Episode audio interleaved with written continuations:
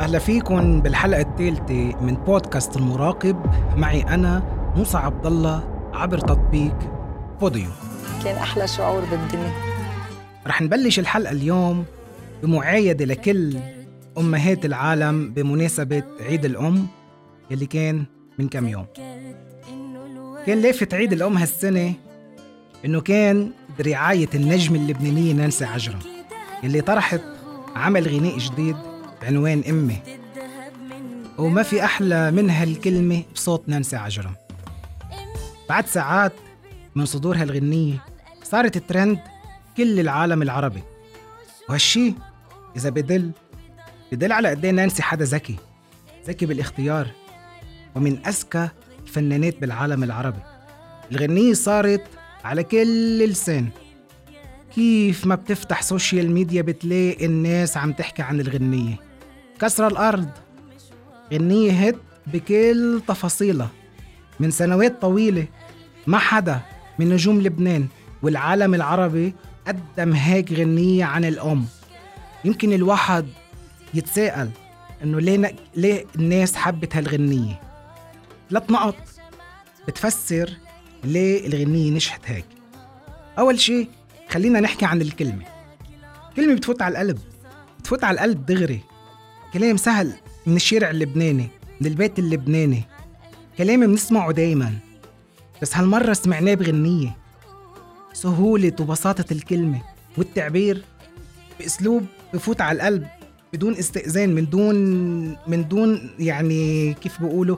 من دون ما يكون في حاجز الغنية بتفوت على القلب الكلمة بتفوت على القلب. عنا النقطة الثانية يلي كمان الغنية من خلالها نجحت. لحن. لحن كله فرح وكله حب وحنية. يعني تركيبة اللحن غريبة. تركيبة غريبة. طرب شعبي الجمل اللحنية مشغولة بطريقة جمعت بين مقام البيات والسيكا الغنية فيها فرح فيها دفى كتير. اللحن قريب من سمع من سمع الناس. يعني اللي بيسمع الغنية بينبسط بيفرح. هو عم يسمع الغنية بيفرح. هذا كله لأنه اللحن مختلف. وطبعا عندنا النقطة الثالثة النقطة الثالثة اللي هي كتير مهمة. وخلت الغنية توصل للعالم بهالطريقة اللي هو أداء نانسي عجرم. أداء نانسي كان ولا أحلى ولا أجمل. إحساسها بالكلمة إحساسها بكل جملة لحنية عم بتغنيها. عم بتغني من قلب مبسوط عم بتغني من قلب بيعبر عن حنان ودفى كل أم. أداء فيه كل عناصر النجاح لحتى الغنية وصلت لقلوب الناس بهيدي الطريقة. غنية أمي بلا مبالغة رح تكون عنوان السنوات اللي جاية بعيد الأم. كان في أغاني ست الحبايب أمي يا ملاكي كتير غيرهم كانوا بحقبة ذهبية رائعة وسيطروا على الساحة الفنية. بس هلأ للعصر الجديد للعصر الفني الحديث صار في غنية جديدة هي غنية نانسي عجرم أمي.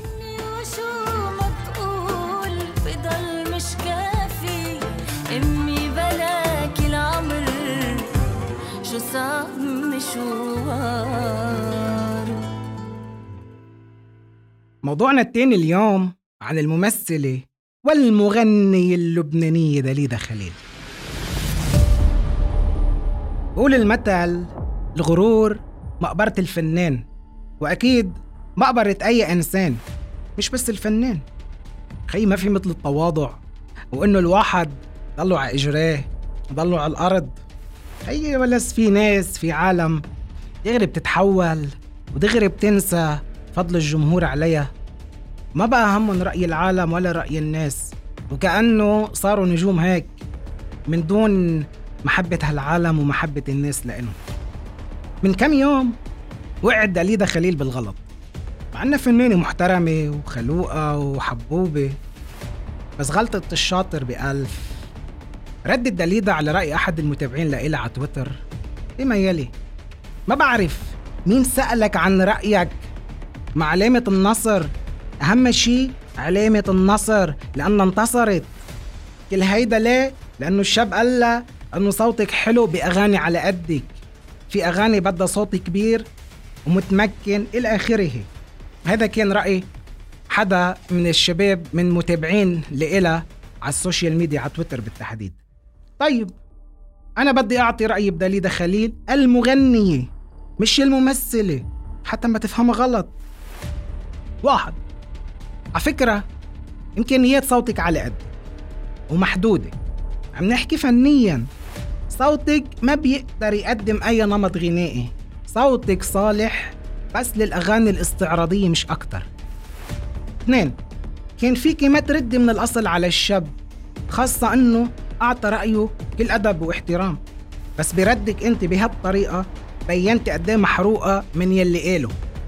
ثلاثة طب ما أنت حدا محترم ومؤدب. بس ما بعرف شو كان صاير معك. لازم تفصلي بين ال social media وحياتك الشخصية واليومية. طبعا هالشي مش بس لإلي. لكل فنان ما بيقدر يهدي أعصابه على مواقع التواصل وبيخلط بين كل شيء بين حياته الشخصية ومزاجيته وبين مواقع التواصل الاجتماعي والرد على العالم. أربعة إذا أنت ناجحة بيكون بفضل الناس ويا ريت تعرفي إنه تعدد الآراء واختلافها شيء كتير مهم وأساسي وصحي كمان. مثل ما بتقول ست نجوى كرم خليك على الأرض ما تعلى كتير ما في طاير على إلا وقع بكير. ختام الحلقة اليوم مسك مع النجم اللبناني وائل كفوري. يا ترى وائل كفوري مقصر مع جمهوره؟ من ناحية الإنتاجات الغنائية عم نحكي أكيد.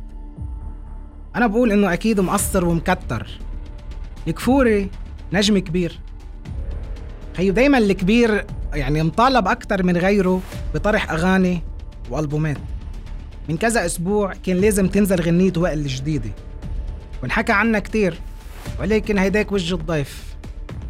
خلال سنة ونص يلي مضوا يعني برر وائل إنه عدم طرحه لأي غنية جديدة إنه الوضع بلبنان وكورونا وهي الأخبار كلها.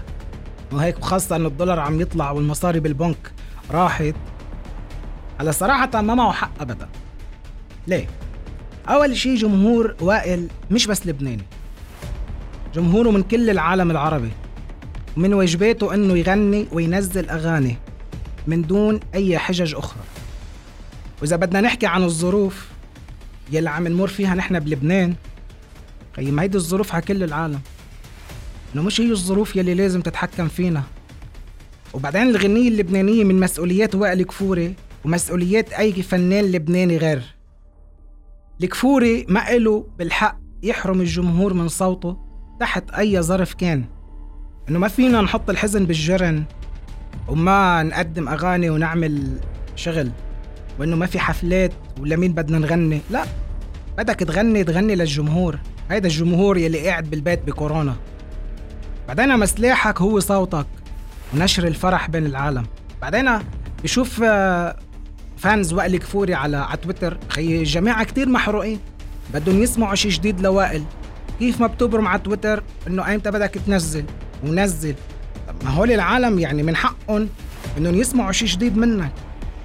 هالشي كمان بينطبق على كتار من نجوم لبنان يلي ما بدهم ينزلوا أغاني بحجة الوضع. خي طب ما في كتير غيركم نزلوا أغاني. ما تيجوا تقولوا بلكي الغنية ما نجحت وبلكي الغنية ما ضربت. خي انت اعمل اللي عليك واترك النتيجة وبعدين بنشوف.